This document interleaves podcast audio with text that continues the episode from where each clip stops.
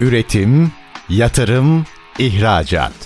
Üreten Türkiye'nin radyosu Endüstri Radyo sizin bulunduğunuz her yerde. Endüstri Radyo'yu arabada, bilgisayarda ve cep telefonunuzdan her yerde dinleyebilirsiniz. Endüstri Radyo.com Çetin Ünsal'ın hazırlayıp sunduğu İşte Bunu Konuşalım programı başlıyor. İşte bunu konuşalımdan merhabalar. Türkiye'nin gerçek gündeminde birlikteyiz. Efendim bugün dış ticaret konuşacağız. Birçok firmanın aslında halihazırda yapanlar var, yapmak isteyenler var. Biliyoruz ki dünyada bir daralma var. Bütün zaten raporlar bunu ortaya koyuyor. Elbette bu konjonktürel olarak veya dünyadaki ekonominin okuması içerisinde bir anlamı var. Ama geçici bir durum. Fakat meseleyi sadece buraya indirgemek sanki eksik kalıyor bir şeyleri ıskalayacağız. Çünkü eş zamanlı olarak dünyada ekonomi de dönüşüyor. Ekonomiyle birlikte pazarlar, üretimler, ürünler, müşteri ilişkileri, pazar yapıları, farklılaşan koşullar var. Her şey değişiyor. Yeni bir ekonomik modele geçiyoruz. Bütün bunları doğru kurgulayıp doğru anlamamız gerekiyor. İşte bu konuyla ilgili de en yetkin isimlerden birini sizlerle buluşturuyoruz bugün. Dış Yönder. Dış Ticarete Yön Verenler Derneği Başkanı Doktor Hakan Çınar. Bugün işte bunu konuşalımın konu. Sayın Çınar iyi akşamlar. Yayınımıza hoş geldiniz geldiniz efendim. İyi akşamlar Çetin Beyciğim. Hoş bulduk. Teşekkür ederim. Var olunuz. Çok teşekkür ediyorum. Şimdi elbette yine bir değerlendirme almak isterim sizden ama herkesin malumu. Yani dünya ile ilgili şu anda ihracat pazarlarıyla ilgili bütün ülkeler adına sıkıntılar var. Fakat eş zamanlı aslında bir değişimin de içinden geçiyoruz. Bir tarafta sürdürülebilirlik, bir tarafta yeşil ekonomi, bir tarafta yeni teknolojiler, verimlilik, rekabet. Üstadım neyi farklılaşıyor? Bir kere bunu konuşalım mı? Dış pazarı konuşurken neler farklılaşıyor dünya ekonomisinde? Şimdi aslında herkesin aynı anda daralmaya girmesi normal şartlarda mantığa çok uygun değil. Değil mi Çetin Bey? Yani hani tabii. herkes mi bir anda Bu bir dönüşümün e, işareti tüketimi, zaten. Tabii. Bir anda herkesin mi tüketimi azalıyor? Herkes mi bir anda ekonomik sıkıntı çekiyor? Bu böyle bir şey pek de mümkün değil. Yani aslında baktığınızda işin doğasına aykırı. Peki ne oluyor o zaman bir bölgesel durum mu söz konusu? Yoksa farklı bir konjonktüre mi girdik? Şimdi aslında bir farklı bir konjonktüre girdik. Kısmen bu var. Yani kısmen evet aslında bütün dünyada bir daralma var diye söylemek mümkün. Ama dünyada ciddi bir değişim var. Bu bir kabuk değişiminin aslında eseri ortaya çıkan durum. Çünkü 2019 pandemiyle başladı. Ondan sonra insanlar tüketimlerini gözden geçirmeye başladı. Tüketimde farklılaşma modlar başladı. Tabii bir taraftan da durmayan bir teknolojik değişimi var durmayan bir dijitalleşme var. İnsanlar işte bakın otomobiller bile değişiyor değil mi artık elektrikli araçlara evrilmeye başladı ve yavaş yavaş otomotiv sanayi ile ilgili gelecek kaygıları bakın yavaş yavaş diyorum henüz çok hızlı değil ama kaygılar başladı. Bazı şeyler o kadar kendiliğinden oluşuyor ki aslında Hani bizim öğrenilmiş çaresizlik diye adlandırdığımız bir kavram vardır ya hı hı. zaman zaman kullanırız. Çaresizlik gibi adlandırılmıyor adı belki ama öğrenilmiş bir içinden çıkılmazlık durumu ile yavaş yavaş aslında piyasalar karşı karşıya kalıyor. E bir taraftan biliyorsunuz biz bu değişimi biraz daha geriye götüreceğim sizi. Cep telefonları, mobil akıllı telefonlarla beraber işte fotoğraf sektörü yavaş yavaş, fotoğrafçılık sektörü, film sektörü tamamen değişime uğradı. Çünkü dijital bir dünyaya dönüştü. Herkesin elinde bir fotoğraf makinesi olmaya başladı. Dijitalleşmeyle beraber kağıt kullanımı, kağıt tüketimi azalmaya başladı. Bu bir değişim ve sektörler yer değiştirdi. Hiç kimse aç kalmadı. Hiç kimse işsiz kalmadı aslında. Kimse açlıktan da ölmedi o sektörlerde yer alanlarda. Ne yaptılar? Bir kısmı ayak uydurdular bu değişime ve değişime göre kendilerini dizayn ettiler. Bir kısmı ise farklı sektörlere yönelmek zorunda kaldılar. Belki gelir seviyelerinde düşüşler meydana geldi ama dönüşüm oldu. Yani bunların hepsini ben bir doğal seleksiyon olarak görüyorum evvela. Buradan başlamak lazım. Şimdi dünya ticaretinde de böyle bir doğal seleksiyonun etkilerini görüyoruz. Üstelik burada tabii farklı bir açmaz var. Dünyadaki gelir dağılımı birbirine hiçbir şekilde denk değil. Hı hı. Tamamen ülkelerin durumu farklı, ülkelerin pozisyonu farklı, gelir seviyesi farklı, beklentiler farklı. Bir o kadar çok farklılık olunca, bu kadar çok çeşitlilik olunca da dünyada tabii enteresan sonuçlar ortaya çıkıyor. Ama çok da böyle olayı felsefik boyuta taşımadan şu 2019'dan bu yana bir gireyim isterseniz. Harika olur.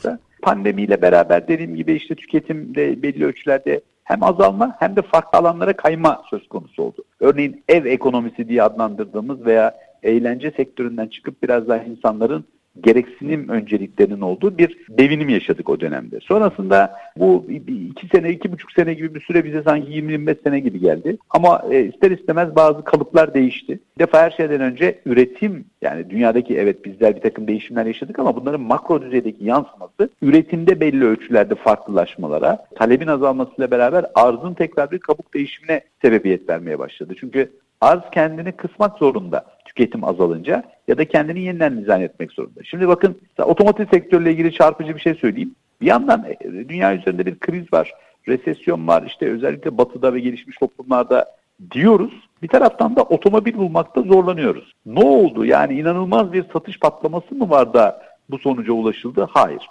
Aslında böyle bir şey olmadı. Üretilen adetler düştü bilakis. Ama tedarik zincir akışındaki mentalite değişti. Stok yapma, stoklama mantığı değişti. Artık üreticiler büyük stoklardan kaçınıp talebe göre üretim yapmaya başladılar. Yani iş yapış şekli değişti. Bunların istisnaları yok mu? Var tabii. Belki bütün markalar Hocam biz bunu ne zamandan hatırlıyoruz? 80 öncesinde özellikle bizim ülkemizde yazdırılırdı, toplanırdı talep ve öyle üretim yapılırdı. Sanki biraz evet. onu hatırlatan bir yapı oluştu. Evet. Neden? Çünkü ekonomik daralma var. Yani o zaman da ekonominin bol olmadığı dönemlerden bahsediyoruz. Tabii o tip dönemler aslında gelir dağılımının da bu denli açık olmadığı dönemlerde. Yani insanlar arasındaki aslında gelir dağılım arasında bu denli uçurum yoktu. Birbirine daha yakındı insanların gelir seviyesi ama büyük tüketimler de yoktu.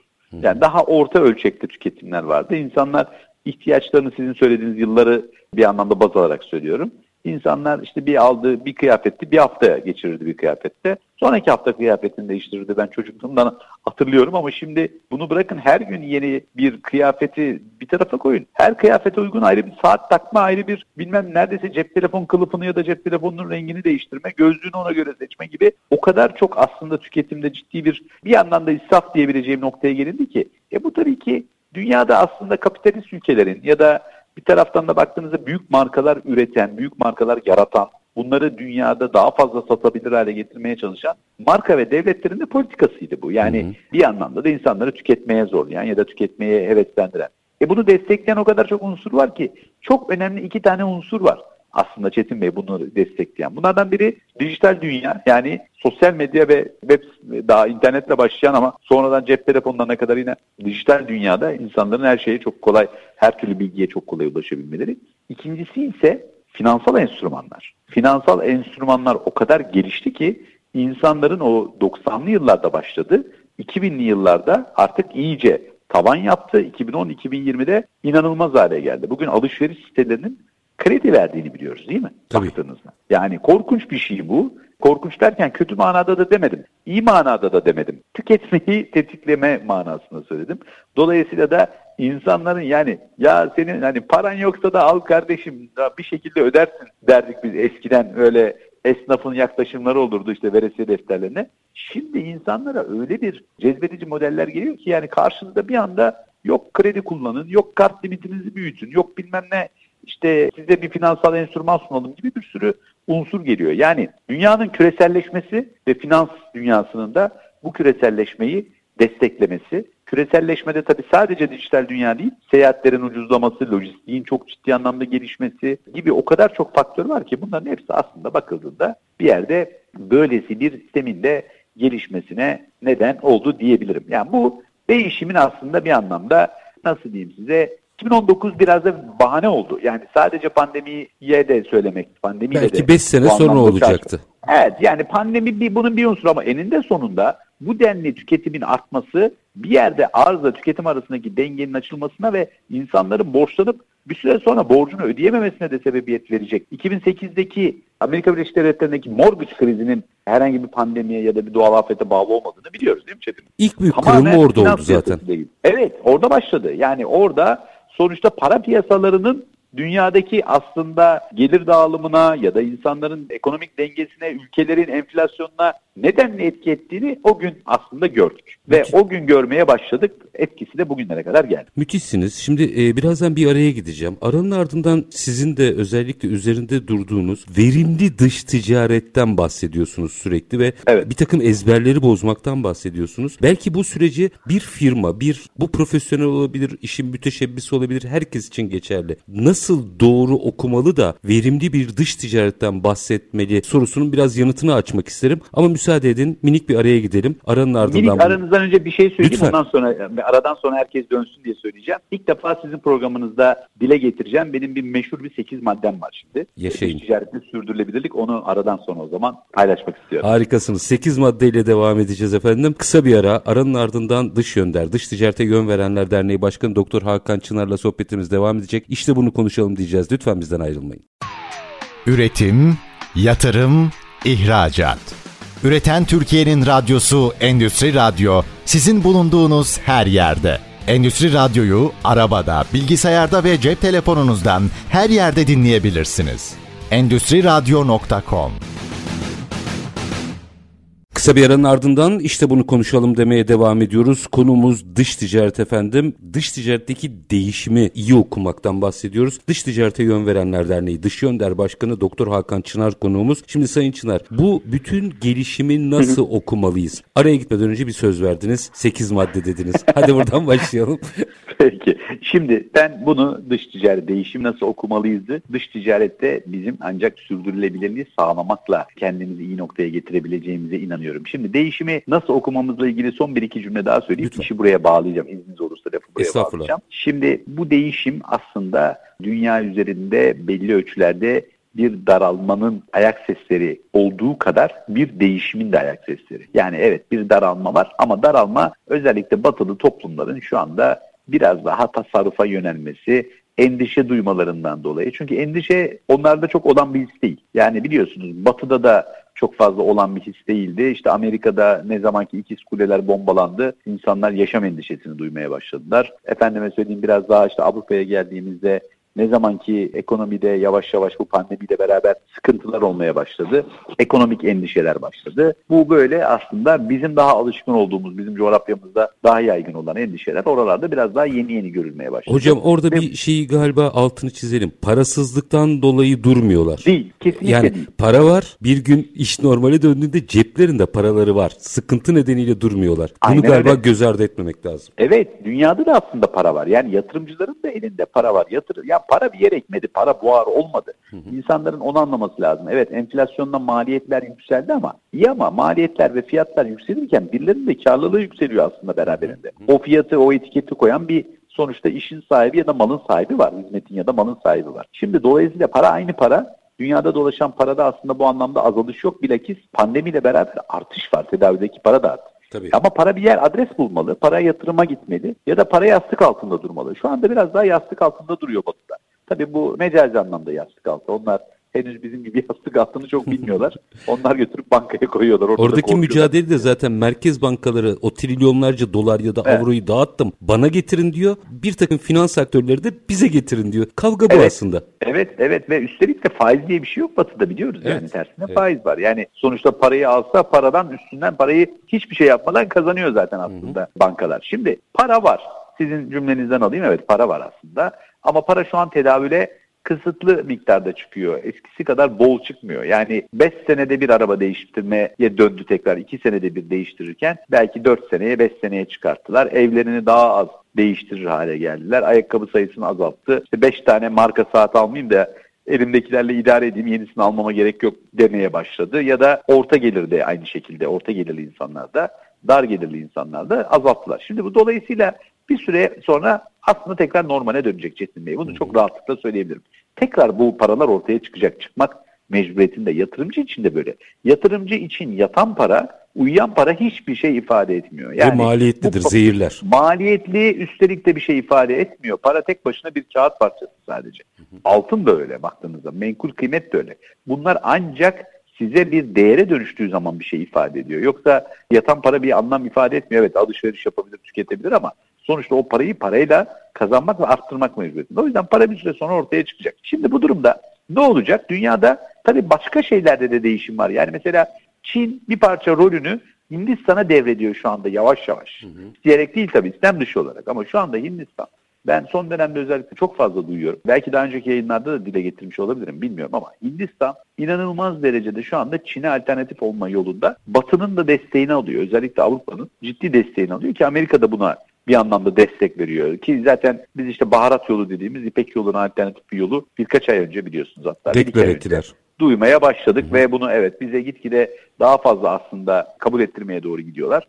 Bir sonuç doğurur muyu bilmem ama Hindistan bu arada iyi bir dünyadaki önemli bir üretici olma yoluna gidiyor ama bizi de tehdit eden bir durum var ortada. Hı hı. Yani biz Çin'le olan sistemimizi oturttuk. Çin bizim için rakip oldu. O süreç bitti ve artık normal bir rutinde gidiyorduk yaklaşık 15-20 yıldır. Ama şimdi karşımıza bir de yeni bir Hindistan gerçeği çıktı. Artı uyduları var hocam. Alanda, ya Bangladeş evet. var, Vietnam var, e, uyduları tabii, var bir tabii, de. Tabii tabii yanında da uyduları var. Singapur var, Vietnam var dediğiniz gibi bir de bunlar var. Yani orada böyle bir takım, ülke takımı var ve bunlar yavaş yavaş daha da fazla üretimde rol kapacaklar. Evet birinci derecede Çin'i tehdit ediyor ama bizim gibi daha küçük ölçekli üretim yapan, daha kreatif ve tasarım ağırlıklı üretim yapan ülkelere de zarar verecekler. Biz düne kadar hep ne diyorduk? En büyük avantajımız batıya yakınlığımız. Bizim batıya yakın olmamız çok büyük avantaj. Güzel. Doğru. Ama bu avantajı da lojistikteki gelişmeler yavaş yavaş yok etmeye başladı. Orada da Doğu Avrupa alternatif oluyor. Batıda da o sıkıştırıyor evet. bizi. Bir de navlunlar çok düştü şu anda Çetin Bey. Yani o bölgeden Hindistan'dan Avrupa'ya yapılan taşımaların maliyetleri çok düştü. Evet süre konusunda belki tam anlamıyla bir iyileşme olmasa da ama maliyetler ciddi anlamda düşünce her geçen gün daha az tercih edilen ülke konumuna gitmek durumundayız. Peki bizi kim kurtaracak? Biraz Türkiye'ye geleyim mi? Bilmiyorum. Nefis olur. Nefis ama. olur. Yani biraz Türkiye'ye geleyim. Yani şimdi sanırım vaktimiz var değil mi? Daha bir parça vaktimiz var. Var var. Yani daha 8 dakika ilk ikinci araya var. 15 dakikada sonra var. Rahat rahat konuşuruz. Aa, Buyurun. Güzel. O, o zaman biraz daha bir ara daha bekletiriz biz şimdi dinleyicilerimiz olur mu? Şimdi ben biraz Türkiye'deki rakamlardan bahsedeyim Lütfen. size bu arada. Şimdi bakıyorsunuz her şeye rağmen ihracatta aslında resesyona rağmen kötü de gitmiyoruz. Ha, çok mu iyiyiz? Çok iyi değiliz ama her şeye rağmen biz Ekim ayı sonunda bir artış sağladık yine. Yani ne olursa olsun %7.4'lük bir artış yani geçen yılın aynı ayına göre bakıldığında iyi bir artış oranı. Bu resesyona rağmen fena bir artış değil. Öbür taraftan bakıyorsunuz ithalat, e, ithalat da tabii ki artıyor. Bunu zaten biz hepimiz biliyoruz artacağını ama ithalattaki artış %1.3. Yani ihracattaki 7.7.5'luk artışa rağmen. Dolayısıyla da buradaki yani dış ticaret açığı ufak ufak da olsa daralıyor. Bu da sevindirici. Buraya kadar güzel ama bu böyle bir radikal bir şey mi sıçrama mı değil tabii ki. 2023 yılı Ekim ayında tabii geçen yılının aynı ayına göre baktığımızda ihracatımızın ithalatı karşılama oranında 4.4 puanlık bir artış var. Yani %77.3 olarak gerçekleşmiş. Bu enerjiyi hariç tuttuğumuzda bu oran 3.4 puan azalıyor 87.7'ye çıkıyor. Yani bu aslında iyi, lehte bir durum. Neden? Çünkü gitgide daha fazla karşılar hale geliyor. Enerjiyle beraber altını da hariç tuttuğumuzda ithalatın, ihracatın ithalatı karşılama oranı %96.2'ye çıkıyor. Yani biz enerjiyi görmeyelim, altını görmeyelim dediğimizde diğer reel sektörlerin bütününe baktığımızda tabii buna hizmet sektörleri de dahil ihracatın ithalatı karşılama oranı %92.6'ya kadar çıkmış vaziyette %93 dersek yuvarlak. E orada iyi bir yüzde var. Ama bunlar yeterli mi? Yani evet ya biz iyi yoldayız. Bu yolda devam edelim. Bu bizi kurtarır diyebilir miyiz? Asla kurtarmaz Çetin Bey. Bunlarla biz kendimizi avuturuz. Tabii. Evet mevcudu koruruz ama biz asıl sıçramayı bundan sonra yapmak zorundayız. Günün sonunda o enerji ve altın var. E var o da ayrı bir konu. Var özellikle enerji. Enerji bizim açımızdan çok büyük bir handikap. Yani bizim bir şekilde enerji, alternatif enerjiler üretiyor olmamız lazım. Dünyada da işte gördüğümüz üzere az önce de söylediğim gibi şimdi bir ciddi bir elektrikli araç ve elektrikli e, teçhizat kullanımı artıyor. Hı hı. Ha, ben soruyorum enerji santralleri olan dostlarımıza, arkadaşlarımıza. Peki burada sıkıntı yaşanır mı dünyada gelecekte? Yani otomotivde %70, %80'e çıktığında oran herhangi bir şekilde sıkıntı yaşanır mı dediğimde hayır hiçbir sıkıntı yaşanmaz. Enerji üretmek her zaman çok daha kolay, çok daha basit. Çünkü doğanın bu konuda çok ciddi yardımı var diyorlar. Bu da önemli bir şey. Ama öbür taraftan şöyle de bir gerçek var. Dünyada da biliyorsunuz şu anda biz çevresel faktörleri konuşuyoruz ve bir yeşil dönüşümden bahsediyoruz dünyadaki kaynakların da her geçen gün azaldığından ve dünyadaki kaynakların yavaş yavaş dünyayı tehdit eder hale doğru geldiğinden hareketle hepimizin bildiği gibi bu konuda Avrupa Birliği'nin ve Batı'nın önemli bir yol haritası ortaya çıktı. Bu iklimsel ve dönüşümün de aslında bir anlamda sonuçları olarak. Şimdi bütün bunların sonucunda biz Türk sanayicisine ya da hizmet üreticisine ki hizmet sektörü de dünyada artık çok çok yaygın. Türkiye'de de öyle. Ben geçtiğimiz gün bir dergi için medikalle ilgili bir yazı yazdım. Kendim de aslında belirli takım rakamları incelediğimde hakikaten ülkemle de gurur duydum. Çünkü tıp, sağlık alanında dediğim şey aslında artık baktığınızda sadece sağlık değil, sağlıklı insanların da çok ciddi para harcadığını gördüğümüzde sadece medikal güzelleşme, estetik vesaire diye baktığımızda da çok ciddi rakamlara ulaşılmış durumda. Yani Türkiye hizmet ihracatında iyi noktalara doğru gidiyor. Bu güzel, bu sevindirici ama hala yeterli mi konusuna gelince hala yeterli olmadığını da söylemem lazım. Şimdi bütün bunları düşündüğümüzde hizmet ihracatını da yok sayamayız yani. Mal ihracatı ve hizmet ihracatı buna bizim lojistik şirketlerimiz de dahil. Saymamalıyız dahil. zaten üstadım. evet aynen öyle kesinlikle öyle ve biz burada farklı bir takım yöntemler, farklı bir takım yollar denememiz gerekiyor. Mevcut durumumuzla bizim dış ticaret açığını kapatmam, gerçekçi olmak gerekirse mümkün değil. Bir defa üretimi kuvvetlendirmek zorundayız. Ama hepsinden daha önemlisi çok standart ve çok rutin, çok kişinin dile getirdiği bizim ciddi manada katma değerli ihracatı artık sadece bizim gibi konuşanların, ekonomistlerin söylediği bir cümleden ya da dış ticaretçilerin söylediği bir kelimeden kurtarıp reelde bunu nasıl başarırız, nasıl sağlarızı artık konuşuyor olmamız yani lazım. Bir klişe yani artık, değil bu. Bu hayati bir durum. Aynen öyle. Yani Hazreti Mevlana'nın dediği gibi artık yeni şeyler söylemek lazım. Yani hepimiz zaten biliyoruz. Bir şekilde katma değerli ihracat yapalım, katma iyi güzel ama bunun yolları var. Bunu nasıl sağlayacağız? Katma değerli ihracat yapabiliyor olmak için bizim sürdürülebilir bir yapıya ihtiyacımız var. Bakın geçenlerde bir organizasyonda bir bürokratımız ismini söylemeyeyim ama bir, hatta bir bakan yardımcımız şöyle bir cümle kurdu. Dedi ki insanların dedi Türkiye'de yatırım yapmaya, insanları yatırım yapmaya cesaretlendirmek lazım dedi. Şimdi çok güzel bir cümle.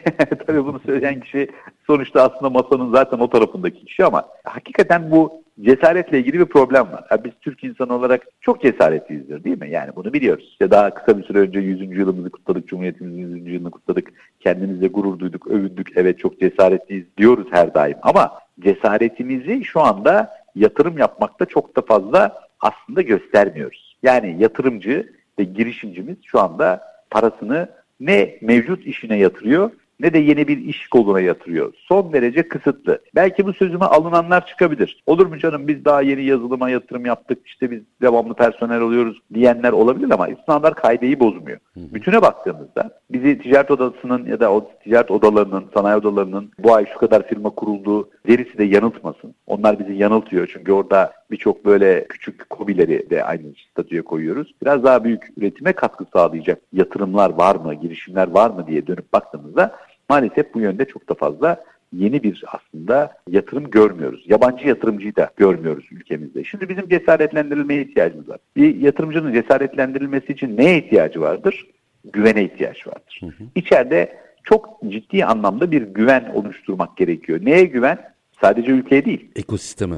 Ekosisteme güvenmeli, dünyaya güvenmeli, iş gücüne güvenmeli, e, devletin vergi sistemine güvenmeli, müşterideki yani potansiyel müşterideki değişime veya buna buradaki görülen yeniliklere güvenmeli çok noktada kendine de güvenmeli ama bunlara çok ciddi anlamda yatırım yapmak mecburiyeti var. Biz bunları şu anda tam anlamıyla yapmıyoruz. Bu arada daha 8 maddemden bahsetmedim. Şimdi bir Ama araya gideceğim. 8 maddeye evet, gideceğiz.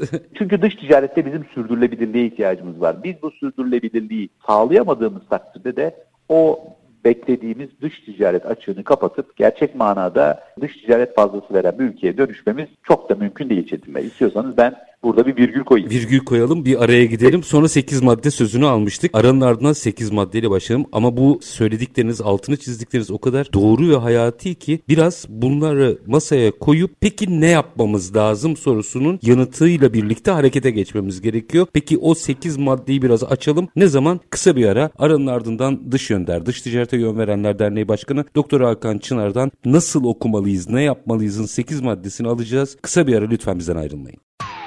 Üretim, yatırım, ihracat. Üreten Türkiye'nin radyosu Endüstri Radyo sizin bulunduğunuz her yerde. Endüstri Radyo'yu arabada, bilgisayarda ve cep telefonunuzdan her yerde dinleyebilirsiniz. Endüstri Radyo.com Kısa bir aranın ardından işte bunu konuşalım demeye devam ediyoruz. Dış ticareti, farklılaşmayı, o farklılaşmayı doğru okuyup yola çıkmayı konuşuyoruz. Konuğumuz Dış Yönder, Dış Ticarete Yön Verenler Derneği Başkanı Doktor Hakan Çınar. Sayın Çınar 8 madde. Evet. Buyurun. Çok bekledik 8 maddeyle ilgili. Peki. Söz İnşallah verdik bir kere umuyorum, dinleyicimize. Umuyorum yani beklediklerine değer. Şimdi ben dış ticarette sürdürülebilirliği biz aslında dış yönler olarak gerçekleştirdiğimiz bütün zirvelerde, etkinliklerde de dile getiriyoruz ama bunu bir metodoloji altında toplamayı biraz da akademisyen tarafımla seviyorum doğruyu söylemek gerekirse.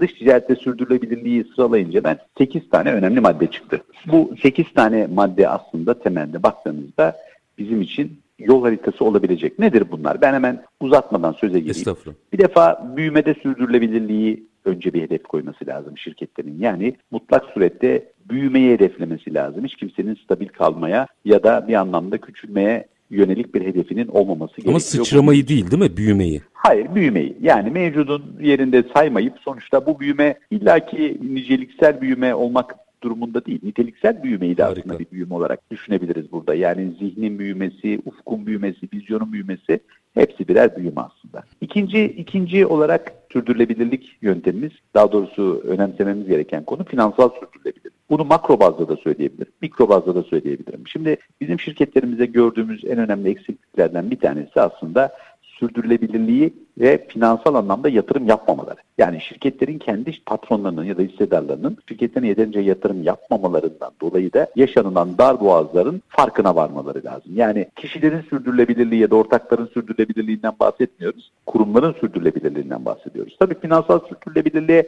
makro olarak baktığımızda da ülkelerin sonuçta veya ülkemizin daha doğrusu gerek üreticileri gerekse ihracatçıların finansal anlamda da belli ölçülerde belli güce sahip olmalarını sağlamak üzere onların sürdürülebilirliğini desteklemesi gerektiğini de göz önünde bulundurmamız lazım. Yani hem firmaların hem de devletin bu konudaki sürdürülebilirlik ajandasına finansal sürdürülebilirliği de bas sıralara yazması şart. Bir üçüncüsü markalaşmada sürdürülebilirlik. Mutlaka ve mutlaka markalar yaratıp çünkü markalaşmadığımız takdirde biz değerimizi katma değerli ve yüksek değerli hale getiremeyiz.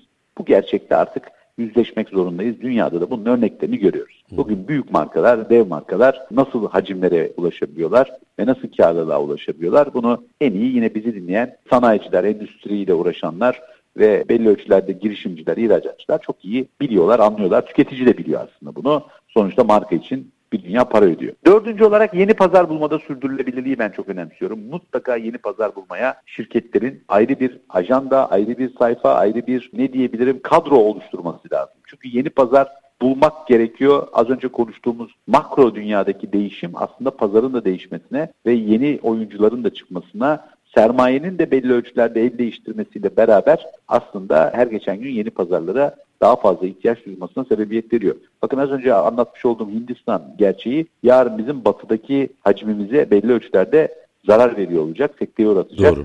Bizim mutlaka coğrafi konumumuzda göz önünde bulundurarak yeni pazarları daha fazla aramaya yönelmemiz gerekiyor. Bunun için de tabii altını doldurmuyorum. Yabancı dilden insanları istihdam etmek lazım. İşte Turku harfinden istifade etmek lazım. Bir sürü bir sürü altında bunun alt başlıklar var tabii. Beşincisi lojistikte sürdürülebilirlik. Gerek firmaların gerekse ülkelerin ki ülkemiz bu konuda iyi bir noktada bana göre lojistikte daha sürdürülebilir. Tabii sürdürülebilir deyince yine bunun altına finansal anlamda ve daha doğrusu maliyet anlamında daha uygun maliyetleri de bir başlık olarak açabiliriz. Daha verimli, daha kaliteli, daha hızlı, daha çevreye uygun, daha çevik aynı zamanda lojistik çözümler üretmek gerektiğini belirtmek zorundayız. Elbette çevreye uygun çünkü yarın artık çevreye uygun olmayan ne sanayici ne de lojistik firmaları, taşıma firmaları zaten açıkçası bugünkü maliyetleriyle iş yapamayacaklar. Çünkü onlara kötü haber karbon vergisi geliyor. Hı hı. Ve dolayısıyla da karbon vergisi aslında onlar açısından yeni bir maliyet kapısı. Ne kadar uyumsuzsa o kadar çok vergi ödeyecek. Bu konuyu da başka zaman inşallah ele alırız. Hatta kredi Belki alamayacak.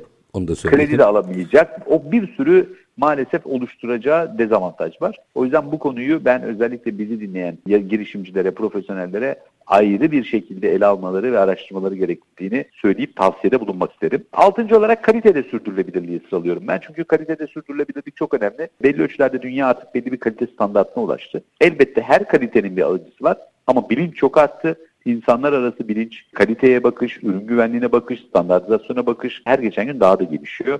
Dolayısıyla da kaliteli iş, kaliteli üretim, kaliteli hizmet sunmak mecburiyeti yine sürdürülebilir olmak zorunda. Standart yaratmakta bir kalitesi de sürdürülebilirlik olarak nitelendirilebilir. Yedinci biraz önce söylediğimiz gibi dünya ve çevrede sürdürülebilirlik. Bu son derece önemli. Dünyanın sürdürülebilirliği, çevrenin sürdürülebilirliği ve bu konuda toplumsal fayda yaratabilecek sürdürülebilirlik projeleri üretmek yine bizi bir en az birkaç adım öne çıkartacak. Az önce de konuştuğumuz gibi maliyetlerimizi de aşağı çekecek ve son olarak bunu da çok çok önemsediğimi söylemem lazım Çetin Bey ve firmalarımızın bu konuda daha iyi işler çıkartması gerekiyor. O da dijitalleşmede sürdürülebilir. Yaşayın. Dünya artık çok ciddi manada dijitalleşti. Dijitalleşmeye devam ediyor.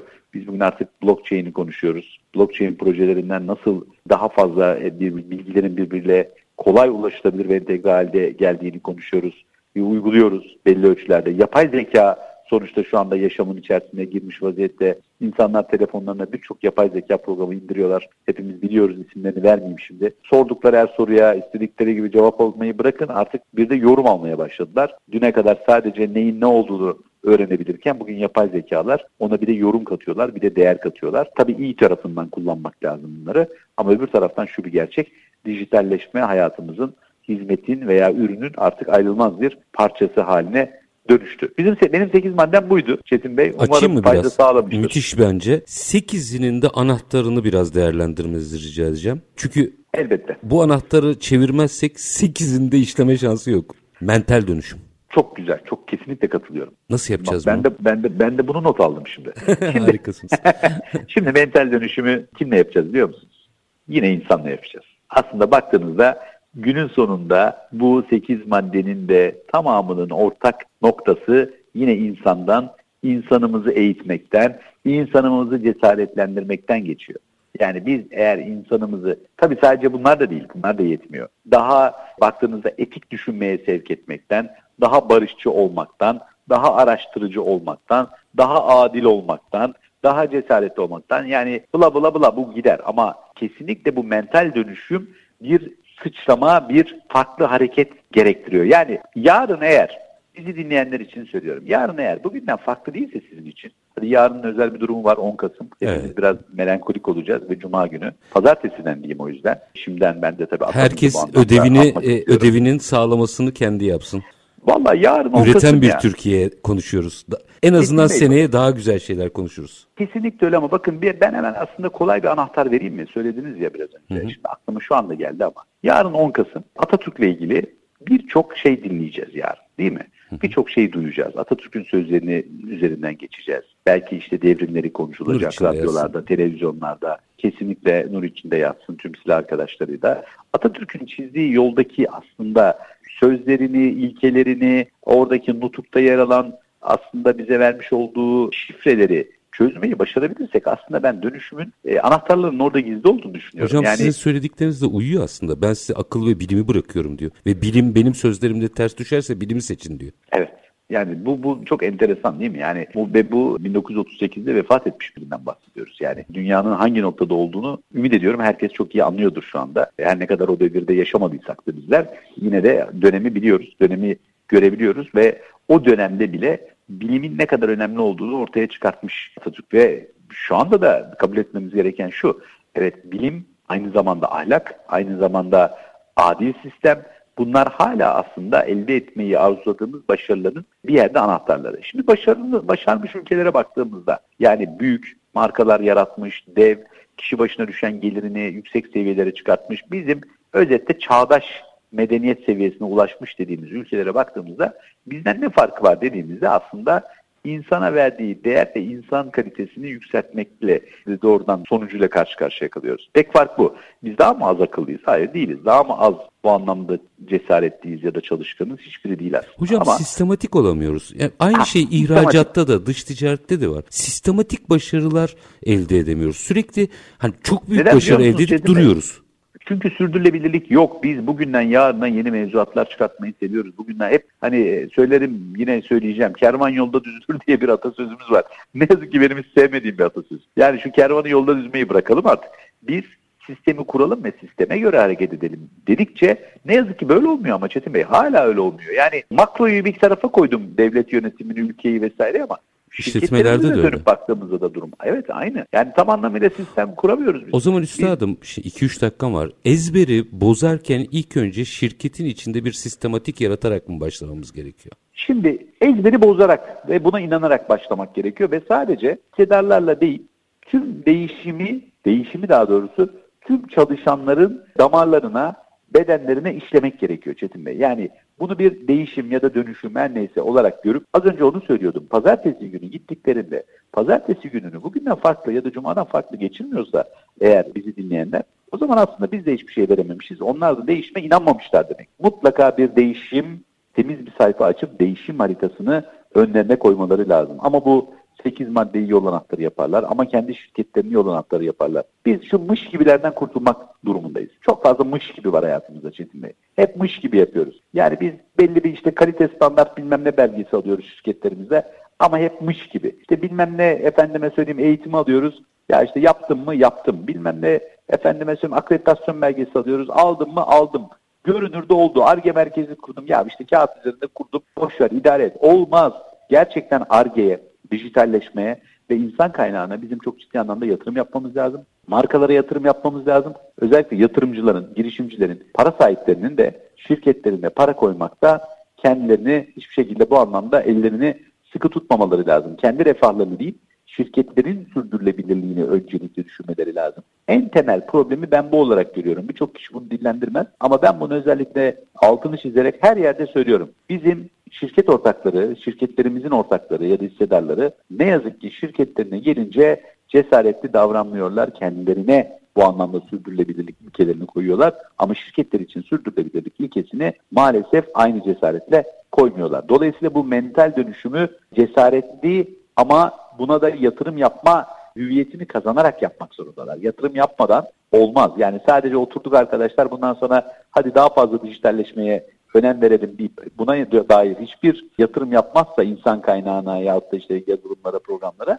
bir adım bile ileriye gidemez. Mutlaka o yatırımların yapılması lazım. Her işin mutlaka bir dijital yüzü var. Hangi sektörde olursa olursun, hele ki ihracatta, hele ki dış ticarette her alanda mutlaka dijitalleşmeye yer var. Bunları tespit edip gerekirse profesyonel danışmanlardan destek alıp, üniversitelerden, projelerden fonlar yaratıp mutlaka buralarda önemli adımlar atmaları lazım. Ama beraberinde marka yaratmaya da çalışmaları lazım. Biz marka yaratan, marka üreten bir ülke olamadığımız sürece hep başkalarının markalarına hizmet etmekten öteye gidemeyeceğiz Çetin Bey.